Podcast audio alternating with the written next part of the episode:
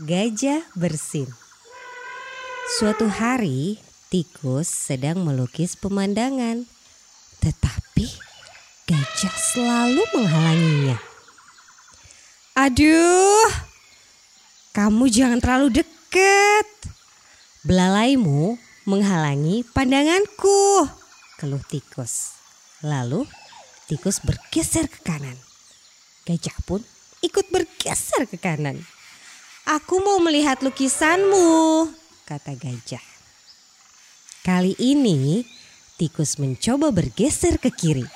Tapi gajah juga ikut bergeser ke kiri.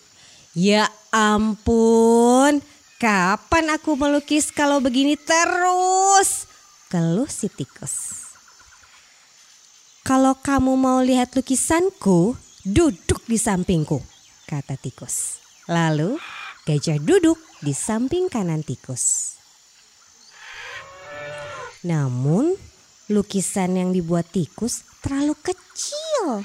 Gajah harus berusaha payah melihat lukisannya dari samping kanan tikus.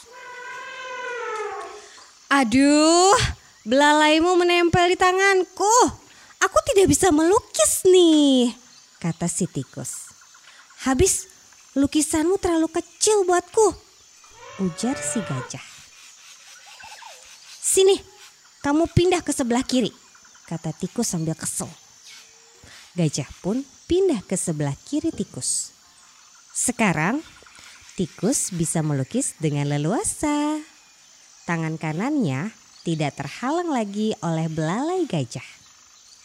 Eh, lagi-lagi Gajah tidak bisa melihat lukisan yang dibuat tikus. Ia kembali mendekatkan wajahnya ke arah lukisan. Namun tiba-tiba ha ha hacung.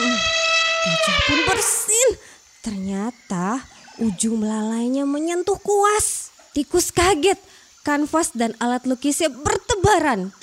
Maafkan aku tikus, aku tidak sengaja ucap gajah sambil mengumpulkan alat lukis yang berserakan. Bagaimana kalau kamu melukis di atas belalaiku? Usul si gajah. Hmm, boleh juga usulanmu. Tikus mengangguk-ngangguk setuju. Akhirnya, gajah bisa melihat lukisan yang dibuat tikus di atas belalainya. Tikus pun asyik melukis tanpa terhalangi gajah lagi.